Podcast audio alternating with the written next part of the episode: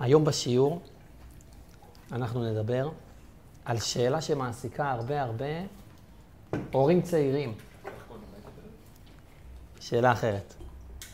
הנה רונן, יש פה את משה הקטנצ'יק, אנחנו שומעים אותו אפילו. לאן לשלוח אותו? לגן דתי או לגן ממלכתי? ואז מתקדם לבית ספר דתי, שנקרא חינוך על טהרת הקודש, או לחינוך ממלכתי. במילים אחרות, השאלה היא, האם אנחנו מצווים על החינוך של הילדים שלנו לגמרי, מא' ועד ת', או אולי יש גישה אחרת שאומרת לא. גישה אחרת. גישה אחרת אומרת, חנוך לנער על פי דרכו. אני שולח אותו לבית ספר הקרוב לבית, ניתן לו את חופש הבחירה. כשהוא יגדל, יבחר את הדרך, יראה את הצד שלי, את מה, מה טוב לו, מה לא טוב לו, מה נכון, מה לא נכון. אז הם משלמים על זה ביחד. זה אז עכשיו היום- מתחבר לשתי שיעורים קודמים. נכון. אז היום אני אדבר איתכם על זה מתוך פרשת השבוע, פרשת קורח, והתשובה שלי תהיה חד משמעית, רונן, צריך לשלוח את הילד לחינוך הכי טהור שיש, הכי קדוש שיש. זה לשלוח את הילד, וזה אומר גם מעבר. לזכור שאנחנו מצווים על החינוך של הילדים שלנו, וכמו שאתה אמרת, שלמה, במיוחד בשנים הראשונות. הפרשה שלנו, פרשת קורח, מדברת על המחלוקת הגדולה בין קורח. קורח ועדתו, קורח ומשה רבנו. היה פעם חכם גדול בשם רבי יהושע בן לוי, שהוא היה מה, מהתנאים, מבית. בזמן אה, המשנה, והוא מאוד מאוד רצה לזכות לגילוי של אליהו הנביא. הוא היה צם בשביל זה, ומבקש ומתחנן. יום אחד מהשמיים נגלו אליו, הוא היה מהתנאים, לא מישהו מהדור שלנו. ואמרו לו, קיבלת. אליהו הנביא התגלה אליך, באמת אליהו הנביא בא אליו. רבי יהושע שמח מאוד. אליהו אמר לו, "אה, אין בעיה, אתה יכול להתלוות אליי. רבי יהושע רצה להתלוות ולראות מה אליהו הנביא עושה, מה, מה המסלול שלו, מה, הוא לפעמים מגיע כמו עני, לפעמים הוא מגיע כמו עשיר, לפעמים הוא רואה ואינו נראה, מה הסיפור הזה של אליהו הנביא? אז אליהו אומר לו, אין בעיה, אתה יכול להצטרף אליי, אבל בתנאי אחד, אתה לא שואל שאלות. אתה מסתכל, אתה לא שואל שאלות. ברגע שתשאל שאלה, אתה איבדת את האישור להמשיך להסתובב איתי.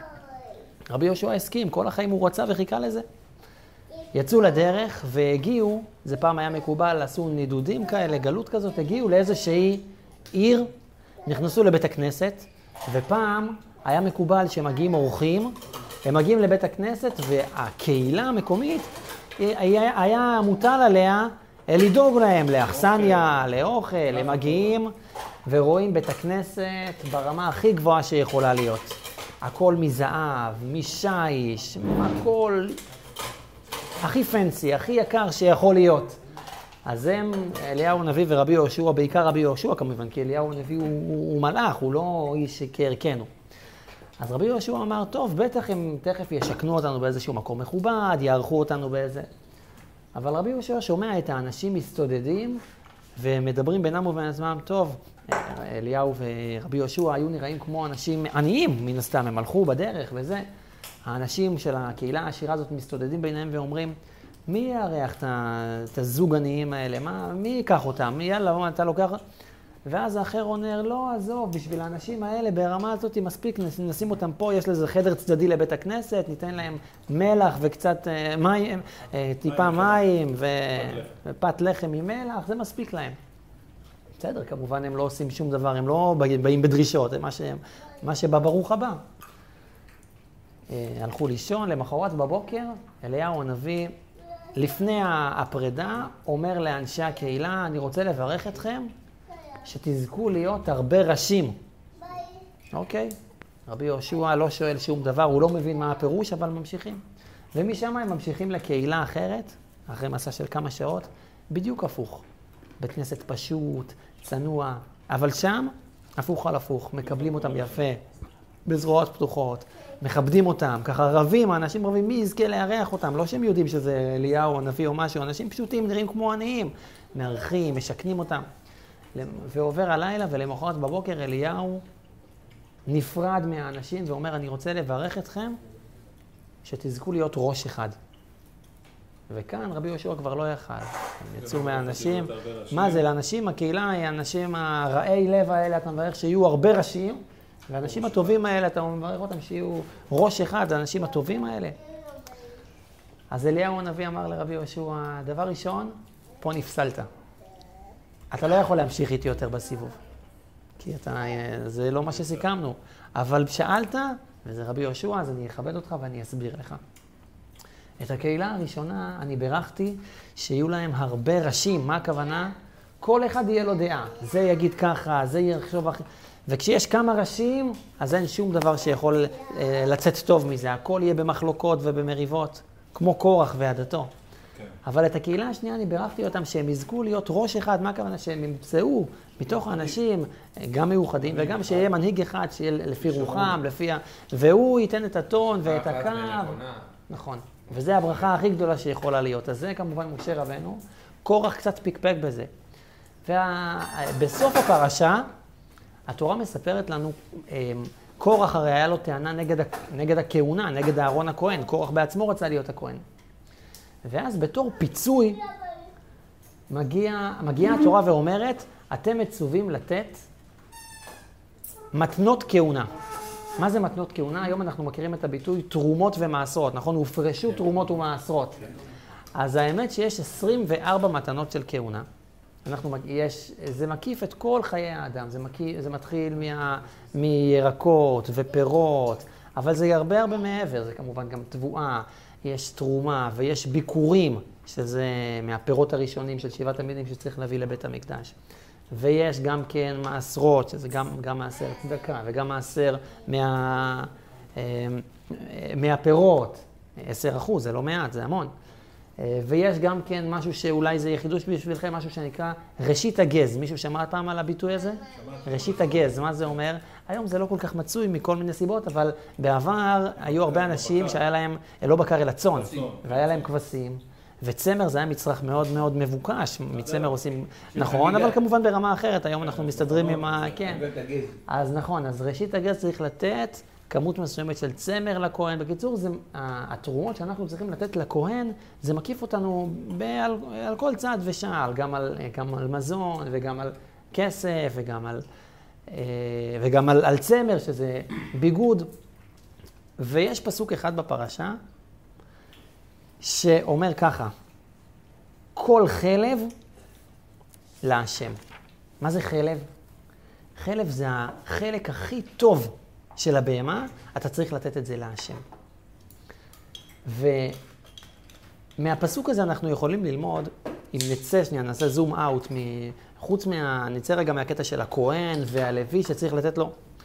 הדבר הזה של לתת תרומה, תרומות ומעשרות, יש לזה גם פירוש בחיים שלנו. אנחנו היום לא חקלאים, נכון? יש פה מישהו חקלאי? נראה לי פחות.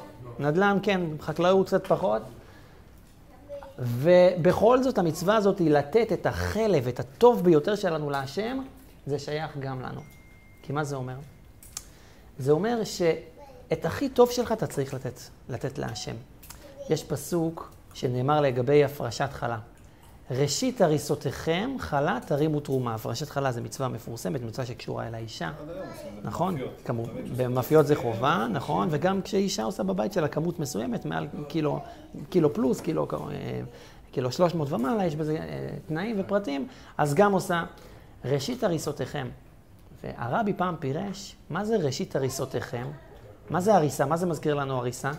הריסה, אה, לא, זה, בעין, זה לא בה'. הריסה זה כמו מיטה, נכון, אהרון? אז הרבי אומר, את ההתחלה, קמת מהמיטה, תן את זה לקדוש ברוך הוא. כי כשאנחנו קמים, אז אנחנו צריכים להיות, אנחנו הכי הכי ערניים. אז את הזמנים החשובים האלה של הבוקר, אל תשקיע בוואטסאפ, בדברים שהם שטויות, בחדשות, תגיד מודה אני, טול ידיים, תניח תפילין. את, את המיטב שלך, את החלב שלך, תיתן לקדוש ברוך הוא. לשים כתר וגלימה, לדבר עם אבא ולצאת נכון, לעבוד. זה תפילין, נכון, נכון. ואז אז זה גם בשעה הראשונה של היום, זה טוב, זה קצת אה, להשאיר נתונים ניידים מנותקים, זה, זה יהיה טוב, זה לא יקרה כלום, קצת שעה, שעתיים, קצת להיות... אה. בזמן הראשון, איך שאתה קם, תן את, ה, את המיטב שעה שלך. לא. לא רק שעה, בזמן הראשון, נכון. נכון. אפשר גם מי שלא הספיק בגלל אה, סיבה מסוימת. אה, הכל בסדר, בוודאי, אפשר- במנחה גם, כן. הנחת תפילין אפשר כל היום, נכון, עד, עד שקיעת החמה. ואז אה, דיברנו גם על השעה הראשונה הזאת של היום, אבל זה, זה גם מעבר. את ה... עיקר האנרגיה שלך תיתן לקדוש ברוך הוא. זאת אומרת, כולנו כאן אנשים, אנשי עמל, אנשי עבודה, אה, יש יששכר ויש זבולון. אז כולם, אנחנו מקדשים את הגשמיות, איש איש בעבודתו, בתחום שלו, במפעל, או בחברה, או בעסק, או במפעל. והמצווה שלנו זה להיות שם, ורוב היום אנחנו נותנים כביכול אל הגשמיות, אנחנו עובדים לפרנסתנו בשביל לקבל משכורת, אז מה יהיה עם הקדוש ברוך הוא? מה? כי זה לא משנה הכמות, זה משנה האיכות. זה משנה את הפניות הנפשית. לדעת מה העיקר ומה הטפל. לדעת שמה שאני עושה זה גם קודש, זה גם... אבל את עיקר האנרגיה, את עיקר ה... החשיבה והמיקוד שלי, זה יהיה דווקא בשעה הקטנה הזאת שאני מתפלל, או בשעה החשובה הזאת של לימוד תורה. זה שעה אחת קטנה, אבל היא יכולה להיות משמעותית מאוד, שתיתן משמעות לכל, לכל היום. והרבי אומר שהפסוק הזה, כל חלב להשם, זה הולך על המיטב שלנו, על מיטב האנרגיה שלנו, ומה הדבר, יכול להיות הדבר יותר יקר מאשר הילדים שלנו. את הילדים שלנו אנחנו גם צריכים לתת כביכול אל הקדוש ברוך הוא. וזה אומר לשלוח אותם לחינוך כשר, לשלוח אותם לחינוך הכי טוב שיכול להיות, גם מבחינה גשמית וגם מבחינה רוחנית, ובמיוחד בשנים הראשונות שלהם. כי השנים הראשונות, כמו שאתה אמרת. שלמה, זה מעצב את כל החיים. אז לזכור, בהתחלה. היסודות. אה, סיימת לבנות את הבית, עכשיו אה, בהתחלה לא בנית כמו שצריך, הרצפה פתאום עקומה, עכשיו להחליף רצפה זה הרבה יותר יקר. כמובן. תסביך מאשר כמובן. נכון. אז ה- כל חלב להשם זה אומר לתת את הכי טוב שלנו, השעות הכי טובות שלנו, ואת הילדים שלנו גם למסור למקומות האלה, במיוחד בשנים הראשונות שלהם. הרבי פעם דיבר על זה שיש בתי ספר וצריך ללמוד גם כן מקצועות של חול, מתמטיקה וכולי, אבל את השעות הראשונות צריך להקדיש לקודש, שאז הראש יותר פנוי. בשעות האחרות, בסדר, אז גם לומדים את הדברים האחרים שחייבים. אבל את העיקר, אנחנו צריכים לדעת מה העיקר ומה הטפל, והעיקר, את המיטב שלנו לתת לקדוש ברוך הוא, ואני רוצה לקרוא לכם קטע קטן ממכתב שהרבי, רבי יוסף יצחק, הרבי הקודם מלובביץ' כתב.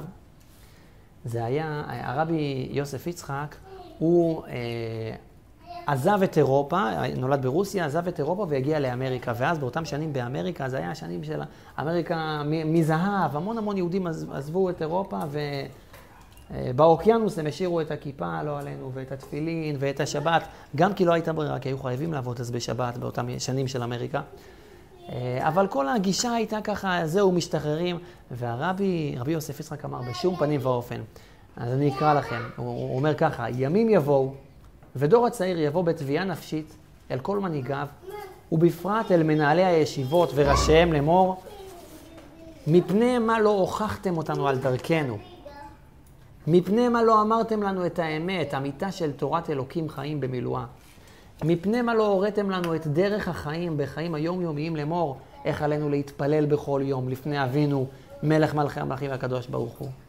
איך עלינו ללמוד את תורתו, וכמצווה עלינו בהמה, ביראה, ברטט ובזיע? איך עלינו לקיים מצוותיו, וכמצווה עלינו בשמחה ובטוב לבב, אשר עבודה גדולה היא? והרבי מסיים, ומה נאמר ובמה נצטדק ביום ההוא? זאת אומרת, אנחנו כהורים מצווים לחנך את הילדים, כי יבוא יום והם יגידו לנו, איפה הייתם? למה לא לימדתם אותנו? למה לא לימדתם אותנו מה זה תורה? מה זה מצוות? מה זה תפילין? מה זה טלית? אז כמובן שכשהילד צעיר, כמו מושיקו הקטן שלנו, אז אנחנו, זה בידיים שלנו, אבל גם כשהילדים שלנו התבגרו ולמדו וגדלו כבר, אז מצו, אנחנו מצווים אה, לא להניח ידיים ולתת להם את הבחירה, אלא לחנך אותם, חנוך על הנער על פי דרכו, כמו שאתה אומר תמיד דורון, בדרך של חסד ואהבה, בדרך להראות איך אנחנו אוהבים ואיך איך, איך הם יעשו את זה בצורה, בצורה טובה, אבל אנחנו חייבים לזכור את זה, שאת המיטב שלנו, שמה יכול להיות יותר יקר מאשר הילדים שלנו, אנחנו צריכים לתת כביכול לקדוש ברוך הוא. זה נשמה באמת בידיים שלנו. נכון. אה, לחיים חברים. שנזכה לראות הרבה נחת מהילדים שלנו אמן. ומעצמנו ואת המיטב לתת לקדוש ברוך הוא. לחיים.